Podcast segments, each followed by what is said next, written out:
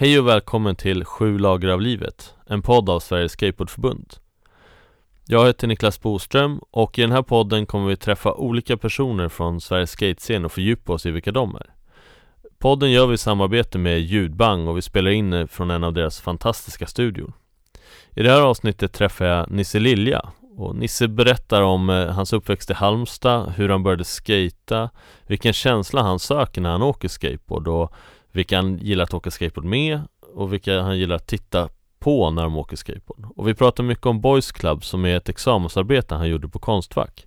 Och Boys Club är ett klipp som handlar om den positiva och negativa delen av skatekulturen och hur vi kan förstärka den positiva delen av det och öppna upp skatekulturen för fler olikheter än vad den är idag. Så nu kör vi! Hej Nisse! Hej! Tjena Niklas! Eh, hur är läget? Det är bra. Det är bra. Eh, jag är eh, ganska nervös för att göra den här podden. Men det ska nog gå bra. Men mm. Hur var din morgon? Vad, hur har den sett ut? Hur, har det varit en bra morgon? Ja det har varit en ganska bra morgon. Mm. Jag vet inte, den var inte Den var som mina morgnar brukar vara. Att det är jobbigt att gå upp. Men att när jag är väl uppe så tycker jag att det är supernice att käka frukost i lugn och ro. Kolla nyheterna. Typ länge. Det brukar jag. Det är väl min rutin. Ja. Ha, är det samma frukost varje morgon? Mm, nah, inte riktigt. Men eh, nästan. Någon macka, något ägg, lite juice kanske. En kaffe. Så det är du, typ det jag brukar köra. Och du cyklade hit? Eller? Ja. Eh, cyklar du mycket ja. dit du ska? Ja, jag försöker cykla så mycket jag bara kan. Ja. Alltså det är det snabbaste sättet att, att ta sig runt i Stockholm. Ja. Det känns ju ganska skateboard att cykla också Ja lite kanske, jo lite kanske Jag tycker varenda klipp man ser så är det någon som cyklar och så har de skateboard på, på Kethållan I alla mm. fall från typ Malmö och Köpenhamn och lite mm. sådär så, ja. jag, jag har en ganska ny cykel också, eller jag köpte den så här begagnat i Sollentuna för 1200 spänn eh, Så det är en gammal cykel men det är ändå en En eh, ny style för mig för den är eh, Det är liksom en En gammal racer, en gammal racercykel. Och det har jag aldrig haft det. Jag har alltid haft sådana gamla liksom, tant eller gubbcyklar. Aha, som liksom inte har Som inte har gått så fort. Men den här går ju verkligen superfort. Så det är kul. ja. du åker ju fort på din skateboard också så jag förstår att du gillar farten liksom. Ja. Och jag tänkte, jag skulle prata om, du ska få berätta lite om dig själv så Sen ska vi fokusera på Boys Club, en film som du gjorde som ett examensarbete på Konstfack som jag har förstått det och sen tänkte jag, jag skulle vilja höra lite vad, vad du söker efter när du åker skateboard. Eh, För jag, jag, jag tycker du är en av mina favoritskateboardåkare att titta på. Tack. Och prata med också. Men du liksom har fart och pondus och så här graciös skateboardåkning eh, i det. Så det ser helt coolt ut. Så jag tänker vi ska försöka fokusera på det och sen eh, Ja, så får vi väl eh, runda av sen när vi känner att det passar Eh, men jag tänkte, kan inte du berätta lite om eh, vart du växte upp och, och eh, hur, hur, var det som tonåring? Var det en, en rebell eller var det mer en ja, klassisk tonåring så? Vad hade du för intressen? Så. Ja, så jag kommer från Halmstad och det är en ganska liten stad som ligger mitt mellan Göteborg och Malmö kan man säga, på västkusten. Och jag bodde i ett välmående så här, villa och radhusområde utanför stan. Um, jag gick på ett kommunalt högstadie som var, det var ganska hård stämning där. Eh, det var en ganska stor skola och ehm, det var mycket, det var ganska mycket slagsmål och rasism och mobbing och sådär. Så det var inte det, det, var inte det softaste stället. Och vi började på, på högstadiet redan i eh, sexan. De flesta började kanske i sjuan och sådär. Men ja. Eh, hur som helst så då var jag nog eh, väldigt osäker. Eh, och jag gjorde nog det, det mesta för att eh, passa in. Uh, så, jag, så jag var nog ganska störig. Kanske lite elak och egoistisk emellanåt. Och sådär. Hur, hur kunde det ta sig uttryck då? Vad var det som skulle kunde hända liksom? N när du var störig, vad, vad var det som hände då? Ja, ah, ja det, det bottnade väl i att jag att jag var osäker på vem jag var och att jag inte hade hunnit formulera några egna värderingar och sådär. Mm. Så jag var så ung liksom. 12-13 år. Mm. Hade Och- du börjat åka skateboard då? Ja, det hade jag. Typ när jag var där, när jag var 11-12 år. Började jag skata. Och så var vi ett gäng, eh, ett gäng där några av oss skatade.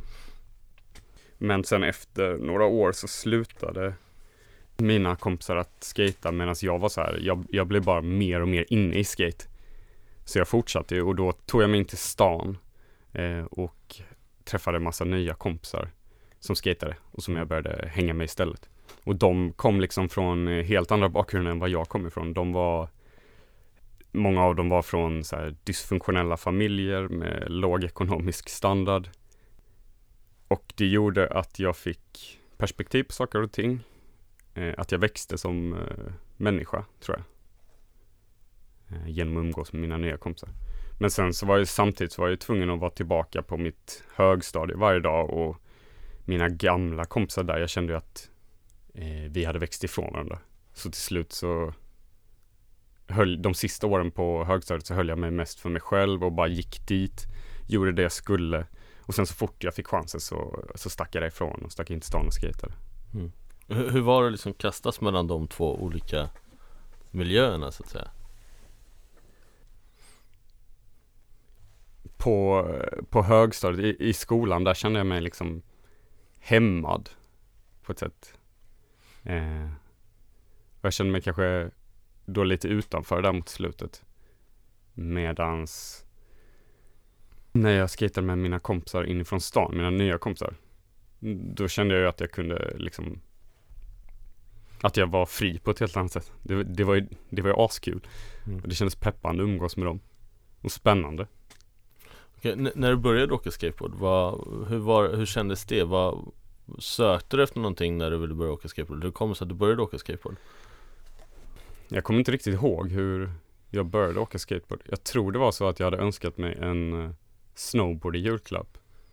Och så fick jag inte det för det var för dyrt. Så fick jag en skateboard istället. Eller något sånt där. Ja, Jag fick en skateboard från, från Lekia som knappt rullade. Och så turades jag och min kompis Jakob om att försöka att stå på den lite och försöka lära oss olla typ. mm. Eh, sen hade jag en, eh, sen har jag en bror som, eh, som också skatade. En lillebrorsa som vi började typ samtidigt. Jag har två yngre bröder. Mm. Men, men den friheten som du kände sen när du hittade dina nya kompisar och började Mm. skejta med in i stan Kände du den nästan, alltså kände du den direkt när du började åka Nej. skateboard eller växte den fram sen? Ja, ja, den växte fram. Alltså jag, var inte, jag blev inte alls så här hooked for life och sånt eh, direkt. Absolut inte. Utan Mm. det tog nog ett år innan jag började känna att ah, det här kanske är något för mig ändå. Skateboard.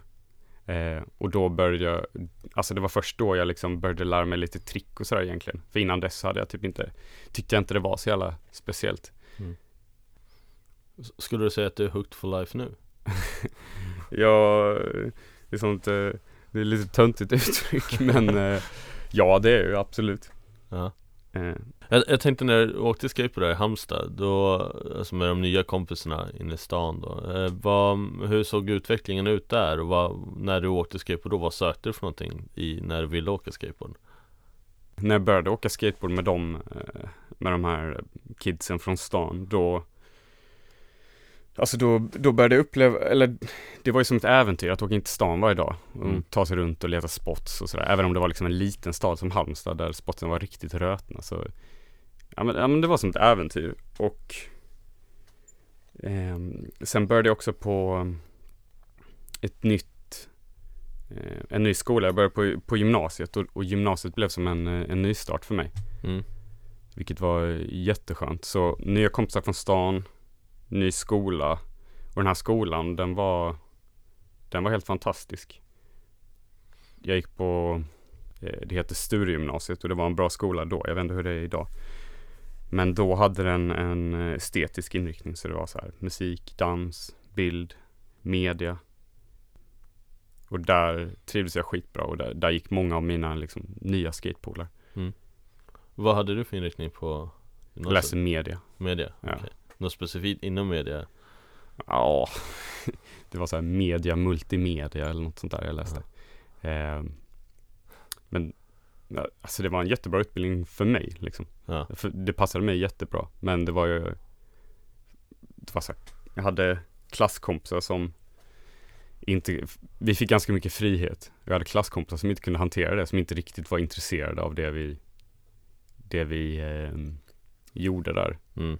Och, så att de satt typ och spelade spel i tre år. ja just det. Men jag eh, Jag visste inte vad, vad grafisk design var för någonting då, eller jag visste inte vad typografi var då. Mm. Men eh, jag var, jag hade lite känsla för de grejerna kanske. Och jag hade framförallt intresse, jag ville lära mig. Mm. Så jag höll på med det utan att riktigt veta vad det var. Då trodde jag att det var Då trodde jag det var samma sak som att teckna typ. Mm. Ja, Det är inte jättestor skillnad, bara olika verktyg men Mm. Men Typ- var det där började komma in med tanke på att läsa på Konstfack sen? Eller Nej, nej, kom det ja, senare? Ja, det kom mycket senare. Alltså jag visste inte ens vad Jag visste inte ens vad Konstfack var liksom. Jag visste inte Jag hade kanske varit i Stockholm en gång Jag såg framför mig att jag skulle flytta utomlands. Att, att jag inte skulle bo i Sverige. Att jag kanske skulle Och om jag skulle liksom bo i eh, Norden så skulle jag kanske ta mig till eh, Kanske Malmö men helst Köpenhamn. Mm. För att om man är från södra delen av Sverige Då har man ingen De flesta har kanske ingen koppling till, eh, till Stockholm så det känns som att det är åt helt fel håll Mm. Så det var lite en slump att jag hamnade just i Stockholm Vad var det för slump? Nu blev jag nyfiken Det var att Alltså det här är ju flera år senare då. Ehm, så började jag kolla lite på så här ehm, Högskoleutbildningar och sådär Och så såg jag att eh, Det fanns en hel del i Stockholm, jag googlade lite. Ehm, och sen så, så flyttade jag upp hit av den anledningen att jag skulle gå en sån förberedande eh, utbildning i Det kallas för en förberedande utbildning i grafisk design. Då fanns det här i Stockholm. Så då flyttade jag upp hit. Bestämde mig på typ en vecka och sen så flyttade jag upp hit. Och, sådär. och sen har jag blivit kvar, det är liksom åtta år sedan. Men Ja. sen så Sen tog det ytterligare ett par år och sådär innan jag sökte till Konstfack. Just det. Tänkte Vi kan återkomma till det. Mm. Jag- Hur såg, från att du gick gymnasiet till Halmstad och, och skateboardåkandet och så, hur, hur såg det ut därefter? Så när jag gick på eh, gymnasiet eller kanske sista året på högstadiet eller något sånt där. Så blev jag, blev jag sponsrad av en, eh, den lokala skateshoppen. Fick lite rabatt på deras, på deras prylar och så. Sen eh, så blev jag sponsrad av en riktigt lökig eh, skatebutik på nätet. Och då fick jag följa med dem till på lite resor typ till Malmö, Jönköping och sådär. Mm. Så gjorde jag det och sen Ja och sen så blev jag sponsrad av River Farm då som var liksom en stor del av Av mitt liv då Mm. Som var ett märke Eller Det finns kanske fortfarande i Till viss del, jag vet inte men det ligger väl lite på is tror jag Ehm, Men det var ett skatemärke från Halmstad i alla fall så Och sen efter gymnasiet så stack jag utomlands i Jag reste så här till och från under två års tid typ. Så jag var i Australien mycket. Och jag bodde i Melbourne och jobbade på um, eh, Det finns en liten skatepark där. Mm. I, um, eller det finns massa skateparker såklart. Men det finns en skatepark i eh, I en stor grön park som heter Alexandra Gardens. Och så i och den skateparken heter då Riverside Skatepark och där jobbade jag. Stod Mm. lite i ett café och sen så var jag så skatecoach typ. Och, Ah, okej. Eh, och sådär, så, så gjorde jag det ett tag. Och var tillbaka där i Melbourne i två omgångar. Sen var jag också lite i USA och sådär. Mm. Eh, och, och sen efter det då så kom jag hem till Sverige igen och kände att eh, ja men jag kan inte bo här hemma hos mamma och pappa i Halmstad utan jag vill eh, någon annanstans. Och då blev det Stockholm. Mm. Och det är nu åtta år sedan. Just det. Jag tänker vi kan hoppa då till Ja. Konstfack. Ja. Hur länge gick det där? Jag läste min kandidat på Konstfack och där pluggade jag eh, grafisk design och illustration. Så jag har en kandidat i det Mm. och det är en treårig utbildning.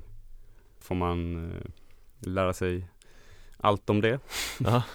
Men, men om vi hoppar fram då, för vi Mm. sa att vi skulle prata om Boys Club eh, Mm. i början här Mm. och eh, det var ju ditt examensarbete som jag förstått det på Precis. Konstfack eh, och det stämmer Ja, alltså så här är det att på, på Konstfack så har um, studenterna då i slutet av utbildningen så har studenterna två månader på sig att göra eh, ett projekt och det kallas för examensarbete. Då får man göra i princip vad man vill. mm. Och sen så ställs det här arbetet ut på då eh, en eh, årlig utställning som kallas för vårutställningen som är på, på våren.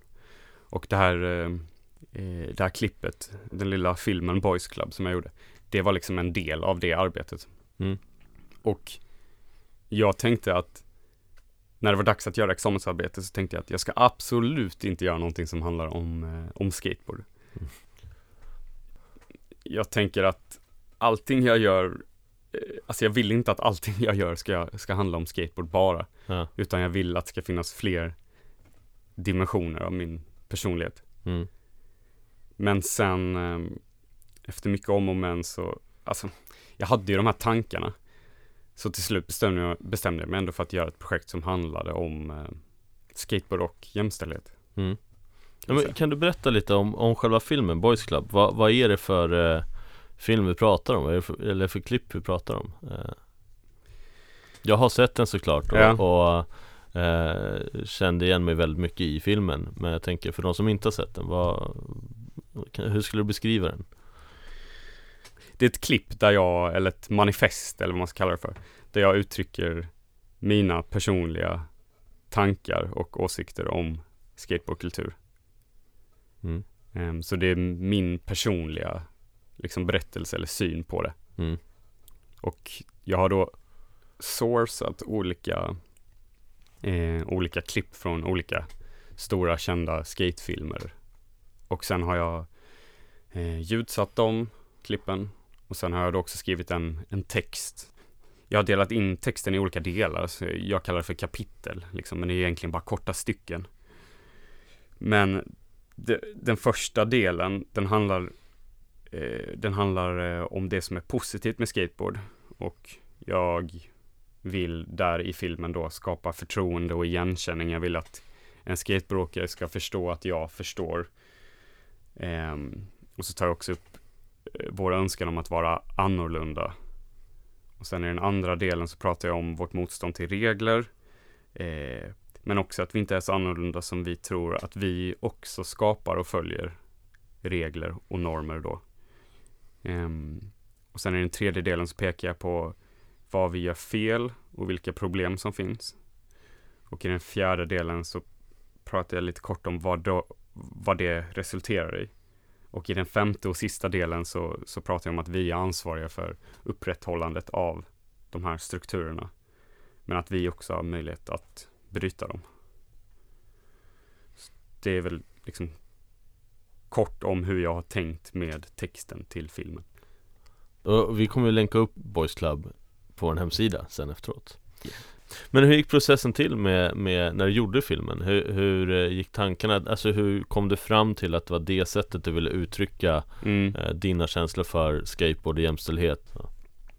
Alltså jag hade ju ambitionen att nå Jag hade ambitionen att nå andra skateboardåkande killar med den här filmen.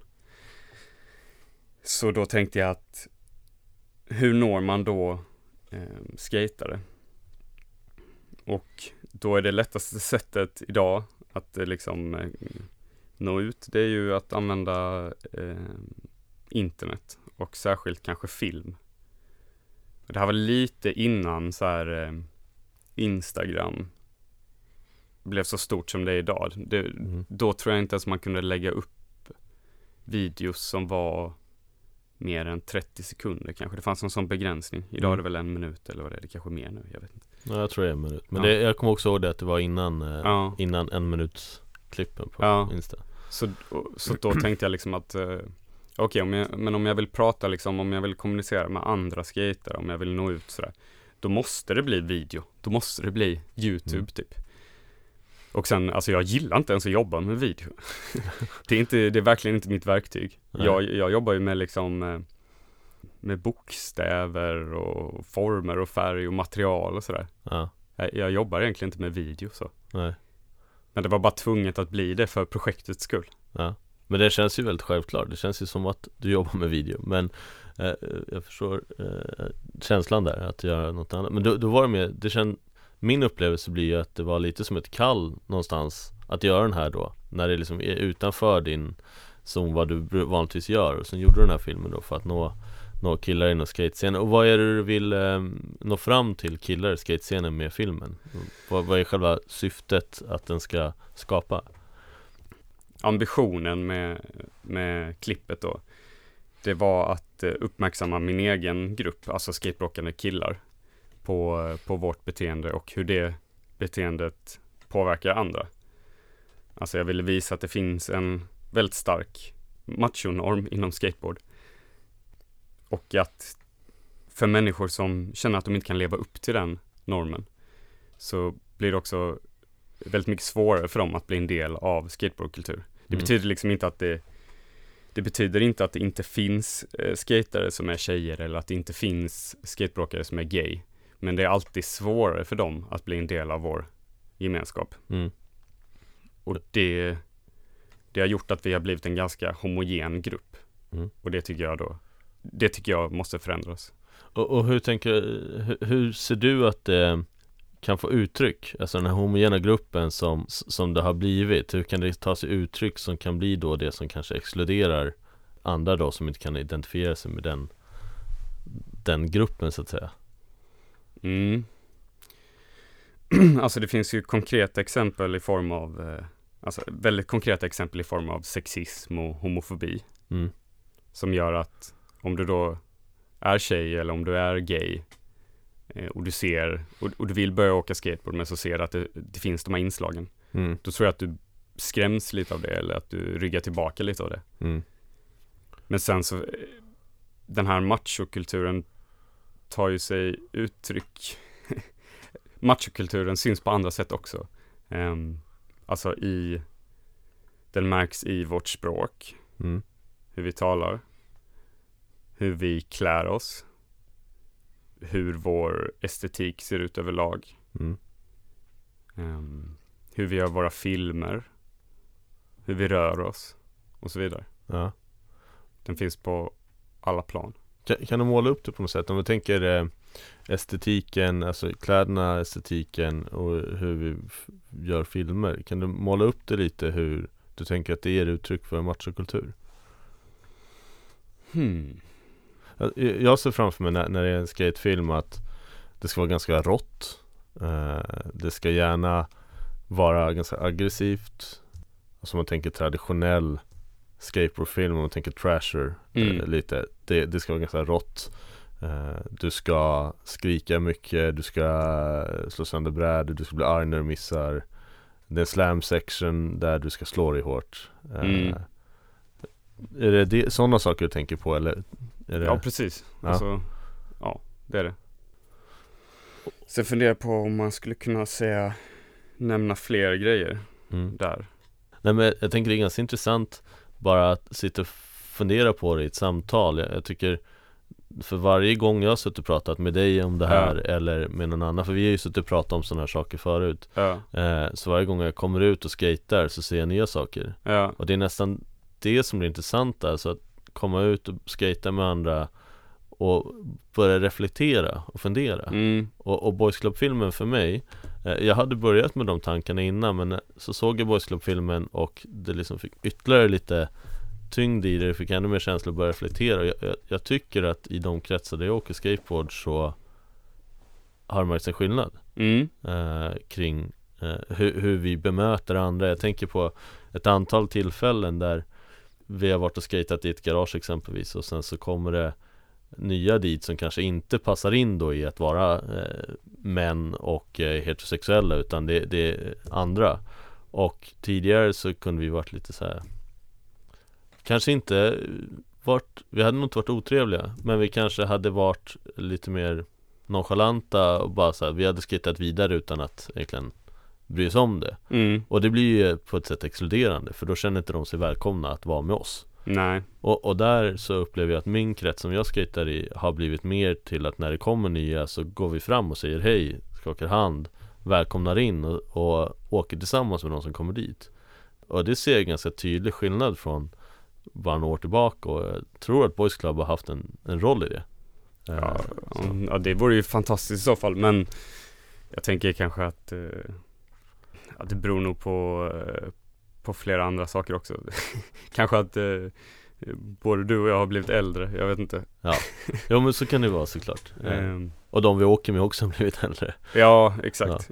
Men hur upplever du skatescenen i stort idag? Alltså det, det finns ju massa olika delar av skatescenen såklart Men, men om, om man tänker sig så mainstream skateboardmedia Mm. eh, Mainstream skateboardtävlingar Hur upplever du att det ser ut idag? Om man här, pratar om match och norm Men då, Mm. då tänker man att det får uttryck i, i sexism och homofobi Ibland rasism Mm. eh, Hur upplever du att det ser ut idag när det gäller just de, de alltså sexism, homofobi och rasism? Tävlingar, media. Ehm, jag tänker att det har blivit eh, Jag tänker att det har blivit lite bättre liksom och att det blir lite bättre hela tiden. Alltså att vi har kanske inte, kanske inte liksom det syns nog inte i så här mainstream skateboard. Eh, där syns det kanske inte så mycket, jag vet inte. Men eller vi, har- vi har några konkreta exempel på att det har blivit bättre och det är ju bland annat då att eh, fler tjejer har blivit sponsrade av etablerade skateboardföretag. Mm. Och det är en ganska stor eh, förändring, tycker jag. För att det är lite som att ehm, eh, de här stora företagen, de har liksom systematiskt så här förnekat att det finns andra målgrupper än, eh, än tonårskillar under Mm. så många år. Och sen nu helt plötsligt har de fått upp ögonen för att ja men just det, det finns den andra halvan av befolkningen också som vi Mm. skulle kunna marknadsföra oss emot. Och det, det tycker jag är helt sjukt att för, för företag, de brukar ju vara så himla snabba på att eh, vilja tjäna pengar. Mm. Men här har de inte fattat det förrän nu. Så, så det är en stor förändring, att Mm. de har börjat liksom engagera sig lite mer. Ehm, sen har ju BA, han har kommit ut. Mm. Det kändes som en bra och viktig grej. Ja. Och sen så har man sett lite andra, Ska vi bara Brian Anderson, eh, Mm. BA precis. Och sen eh, har man sett lite andra positiva grejer. Och det är en sak jag, jag såg för, jag vet något halvår sedan eller någonting. Det är att det finns ett, eh, ett litet skateföretag som heter Unity. mm. Som jag tror är det första skateboardmärket med, med en eh, queer profil. Just det, ja men jag har också kollat in det Ja. Eh, Det var ett helt team med olika personer jag, det- är svårt att veta vad alla har för könsidentitet såklart Men att Ja. det är eh, queer, transgender, eh, icke-binär, helt klart Men det, det tyckte jag var, var skoj och det såg coolt ut. mm. Sen så finns det ju massa andra positiva grejer som har hänt såklart, men det finns ju också bakslag och eh, det är en lång väg kvar. Mm. Tänker du på så här, Monster Girls på Tampa Am och Ja, men till Street exempel, League och, så, och så vidare Ja, Eh, det känns så jävla lökigt bara. Ja, Så det är en ganska stor skillnad på skatescenen här i Sverige och skatescenen i till exempel USA. mm.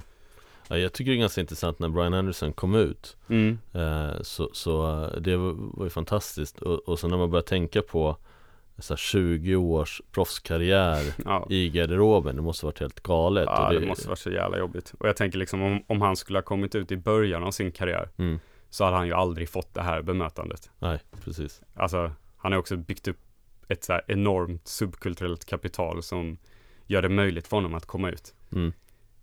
Ja men det är ju villkorat allting, det känns som att de som de intervjuar runt omkring honom är lite så här Jo men det är okej för att han har aldrig stött på mig Eller det är okej för han är så grym på skateboardåkning Det är okej för att han är så badass och så vidare och så vidare. Så att Hade han inte varit alla de här sakerna känns det som att det, då hade det inte varit okej. I Nej. princip det jag hör dem säga. Och Mm. det vet jag inte om det är det de menar men Det säger ganska mycket om Om den kulturen. Att du måste ha ut, utfört ganska mycket saker för att kunna eh, göra det. Sen vet inte jag hur det blir nu när han väl har kommit ut, om det blir någon skillnad.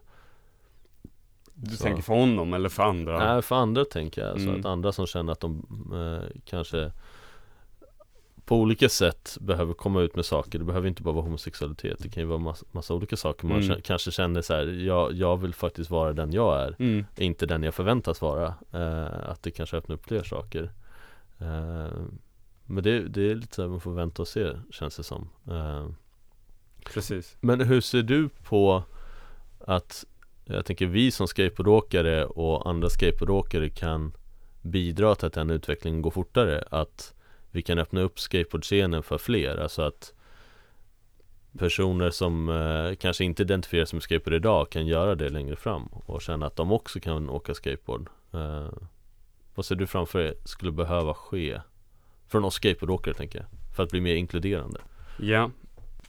Alltså skateboard är ju fortfarande jättemansdominerat.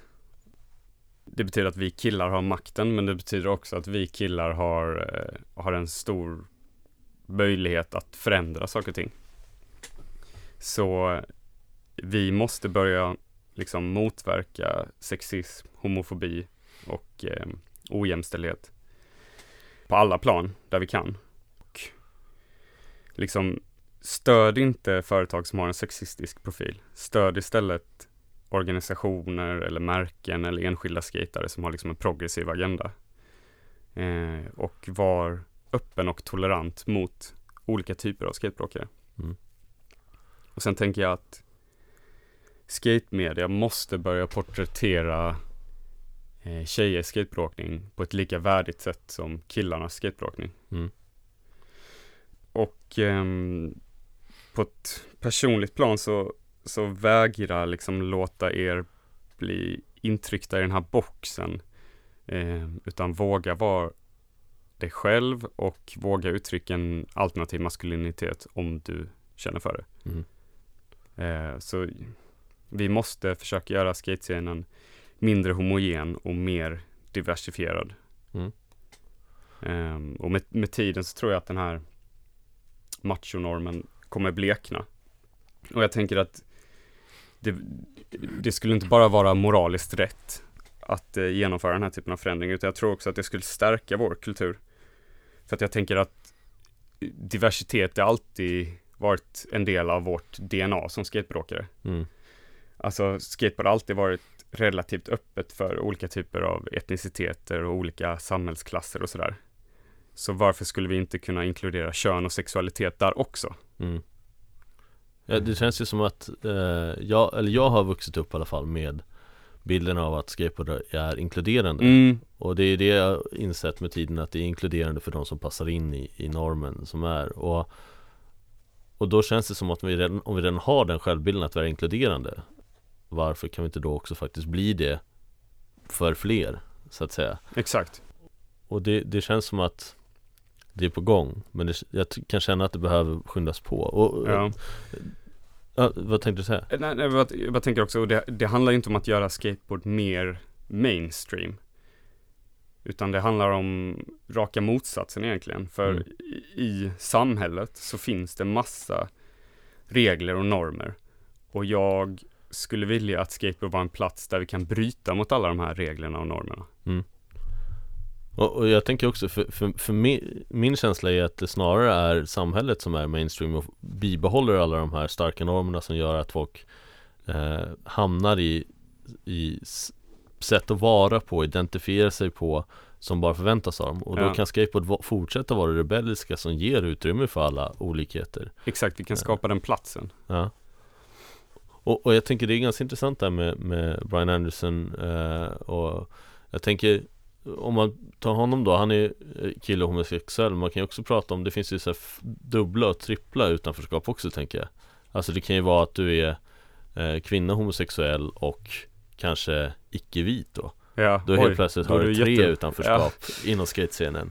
Ja, då är det jättelångt ner i hierarkin. Ja, och, och det tänker jag också om vi kan börja jobba med att öppna upp scenen så kan vi minimera det och bli för, föregångare gentemot resten av samhället istället och skapa den inkluderande scenen. Och, och en sak som jag har tänkt på, eh, jag tycker många som jag pratar med de, de kan bli oroliga för att sättet att åka skateboard ska förändras och att eh, deras så här, egen så här, det här är min skateboardkultur och nu ska någon komma och förändra den Ja. och kommer det här påverka mig som skateboardåkare? Eh, hur, hur ser du på det? Men jag tror att det, det är en vanlig grej att man, om du tillhör eh, den gruppen som är privilegierad, och i det här sammanhanget så är det eh, vi straighta killar som är privilegierade i skateboardkultur. Och jag tror att det är ett vanligt sätt att eh, reagera och tänka att man känner sig, att känna sig hotad. Men det, är ju- ja, det, det handlar ju inte om att eh, själva skateboardåkningen ska förändras eller att du inte ska få eh, skata på det sättet du gör. Utan det handlar ju om att försöka bredda den, eh, försöka bredda bilden av vad en skateboardåkare är och kan vara idag, Mm. kanske. Och, och, och jag tänker det är inte Du kan ju åka skateboard på samma sätt Ja, Det finns ju ingenting som säger att du behöver åka skateboard annorlunda Det kan du ju fortsätta göra oavsett vad Det är lite som, som eh, Det var någon som frågade mig nu när jag jobbar på förbundet så, "Jaha, åker du bara skatepark nu? Nej Jag åker knappt skatepark alls, jag åker mest bara ja, ute på gator där jag känner för eh, Det är intressant hu- hur vi placerar folk i fack beroende på liksom vad man förväntas av dem för att de är någonstans och eh, det förändras ju, alltså vill du göra på ett visst sätt så kan du göra det men det är ju just att se till att fler kan få vara med och göra det mm. Eh, och jag tänker så här skateboardkulturen är fantastisk den har gett mig så mycket men varför inte låta fler få känna av? Det- exakt. Det, det känns så naturligt när, när jag ser det på det sättet i alla fall Mm. Ja, jag kan bara liksom hålla med. Och, och jag tänker utifrån då så här, skateboardåkande Mm. eh, Som jag sa i början så eh, Du är en av de skateboardåkarna jag tycker är roligast att se åka Ehm, Och, och det, det, det hänger upp med olika saker det, det jag, jag ser ju en så här kreativ ådra i det eh, och, Men sen den farten du har när du skejtar och den så här beslutsamheten i tricken och, och jag är lite nyfiken på när du åker skateboard, vad söker du för känsla? Mm. Alltså, där är jag väl liksom ganska klassisk. Jag gillar liksom att ta ordentligt med fart. Gärna kanske ett sparktag för mycket så att man är lite osäker på om, eh, alltså så att det suger lite i magen. Typ, nu har jag lite för mycket fart. Eh, jag gillar den känslan och sen att bara stå länge i en grind. Mm. Väldigt okomplicerat. Jag gillar att känna, känna vinden i, i håret. Jag vet inte, det kanske är den känslan jag söker efter. Ja. Men. Men, men alltså nu. Eh, just nu har jag massa problem med min fot. Så nu åker jag verkligen inte fort utan jag, jag har varit ett par gånger i frys nu senaste veckan. Och eh, försökt känna lite på min fot. Och då är, då är jag väldigt försiktig och då åker jag inte så fort. Ja, okej. ja men det är klart, när man har någon så här skada eller så, så blir man lite reserverad Ja. i sitt åkande, helt klart Men har du någon, ehm, jag tänker egentligen två, eh, på två saker Mm. Det ena är, har, har du någon ehm, förebild som du ser framför dig när du åker skateboard eller som du har inspirerats mycket av? Det är den ena tanken och det andra är eh, Vilka gillar du att åka skateboard med som du blir så här extra peppad av eh, att åka med? Alltså jag vet inte, jag tror inte jag, jag har nog aldrig haft så här en förebild inom skateboard, det tror jag inte, utan det har väl liksom förändrats lite. Det är väl, eh, alltså beroende på, eh, jag har ändå skatat ganska länge så jag har varit med om olika epoker och sådär. Jag kanske har haft olika favoriter i de olika epokerna. Men jag kan inte säga, ja de här personerna har alltid varit mina favoriter. Men, men eh, men däremot så Jag skulle ju kunna så här Jag kan säga vilka som är mina favoriter just nu och som jag Mm, ja tycker är coola och då Min kompis Robin eh, Robin Lundberg Bobby Han är alltid en stående favorit Ja. Och han är lite eh, ja, för oss, eller för, för alla som inte känner Robin så är han kanske lite en eh, mystisk figur som man inte man ser aldrig honom i Fryshuset till exempel utan han är lite hemlig. Mm. Men eh, ja, en helt fantastisk skateboardåkare. Sen så Johanna Juselius från Göteborg. Shouts till Jus. Hon tycker jag är helt eh, fantastisk. Eh, blir jävligt peppad av att skata med henne. Sen eh, Den eh, coolaste one-footen och Ja, verkligen. jävligt skön kickflip Ja, hon, hon är 100% cool. ja. Och sen eh, Floppe Nilsson. Eh, här från Stockholm tycker jag är, Jag tycker han skejtar så jäkla coolt och kul. Mm. Men det har jag aldrig sagt till honom så här får han. Ja, eller hur? För still att han lyssnar Ja, sen, eh, vad har vi mer? Ja, på den internationella scenen, eller vad man ska kalla det för, så jag gillar hur Nick Stain skater. Ja okej, mm. Eh, måste jag kolla upp Ja, ja det, jag gillar verkligen det. Det ser sjukt bra ut. Mm. Och sen så blev jag så jäkla peppad när jag hittade, vad heter hon nu? Savannah Stacy Keenan heter hon på Instagram. Jag vet inte om det är hennes riktiga namn, men jag tror det. mm. Och jag tror att hon är från London. Det ser Mm. så ut. Och hon skater riktigt fett. Och liksom, Savannah Stacy Keenan ja, allting med henne verkar, verkar kul. Hon har liksom coola kläder, skata coolt. Ja. Och sen så är det England. Och England ser alltid bra ut på, på film tycker jag. Ja, Eh, så det är väl de jag kommer att tänka på nu. ja. Som, jag, som, jag, som är mina favvisar just nu kanske. Coolt, då har man lite att kolla upp nu Mm. Eh, så. Men jag tänkte på, um, när du inte åker skateboard, du sa i början eh, att du gärna ville vara en annan, eller inte bara vara eh, skateboard, skateboard personen utan även ha liksom andra delar och det vet jag att du har och jag tänker vad, när du inte åker skateboard så vad, vad gör du idag? Du har ju gått ut Konstfack, eh, vad har du för dig idag på dagarna? Eh, för att fördriva tiden? Just nu i alla fall så är det så att jag jobbar deltid på en, eh, en designbyrå. Mm. Så då, där gör jag, där ritar jag olika typer av eh, eh, logotyper, ikoner, eh, bokstäver och sådär. Och tar fram grafiska identiteter för olika företag och sådär. Mm. Men sen har jag också en, eh, en egen liten designverksamhet. Eh, där jag frilansar då. Mm. Eh, Och där jag tar mig an eh, massa olika typer av jobb. Men där försöker jag väl rikta mig mer mot liksom kultursektorn, organisationer och så, mer Mm. än mot företag.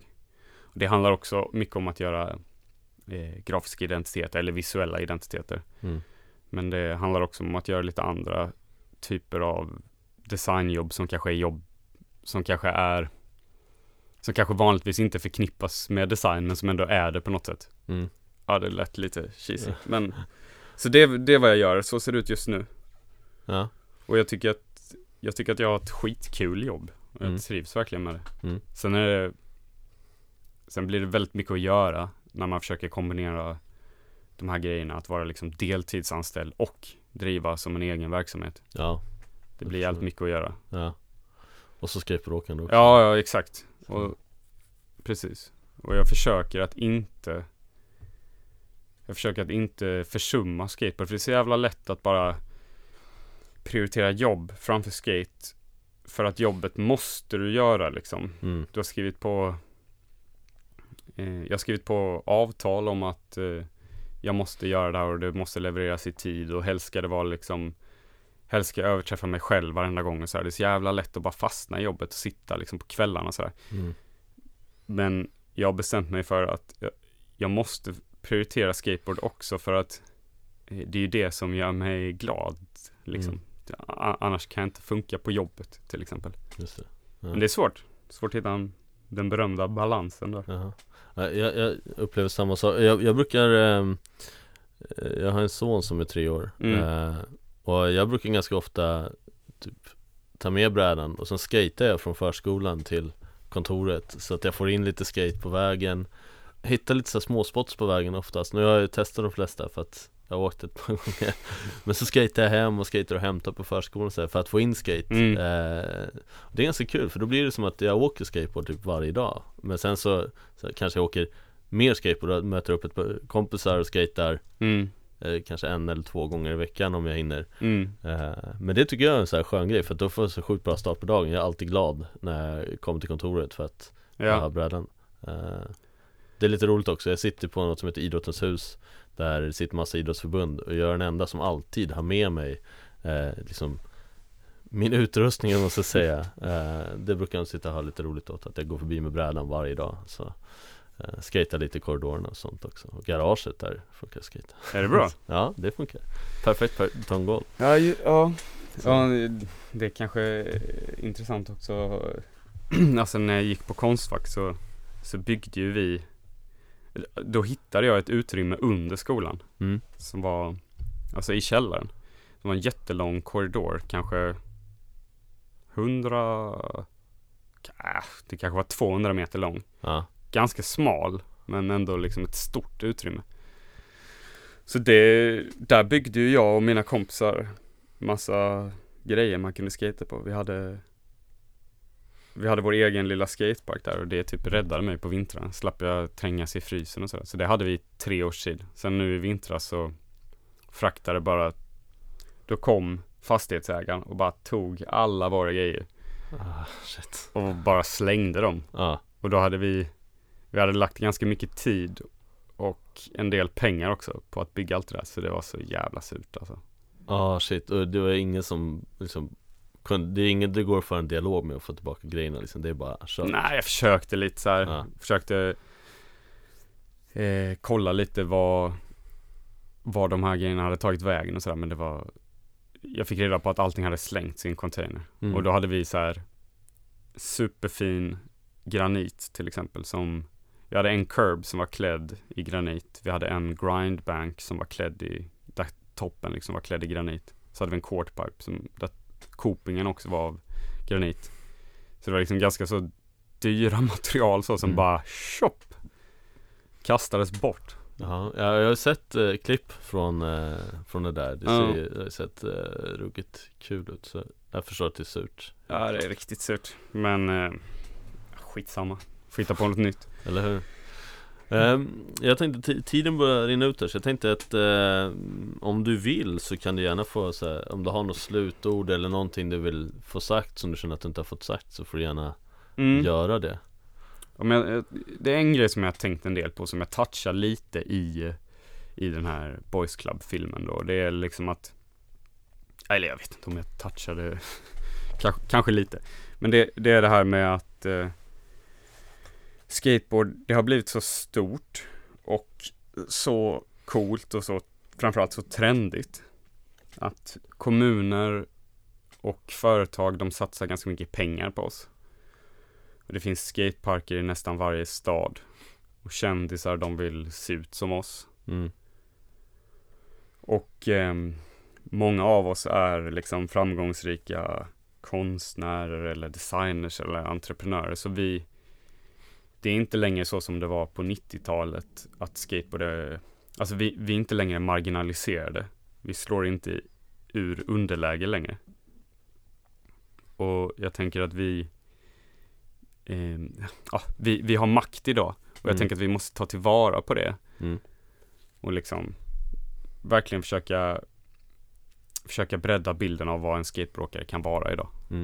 Jag tänker att vi kan ha en påverkan på resten av samhället då också. Ja, ja och, och om dels det, men också att vi kan liksom skapa en eh, en, en egen plats, en, en oas liksom, Ja, mitt i all skit.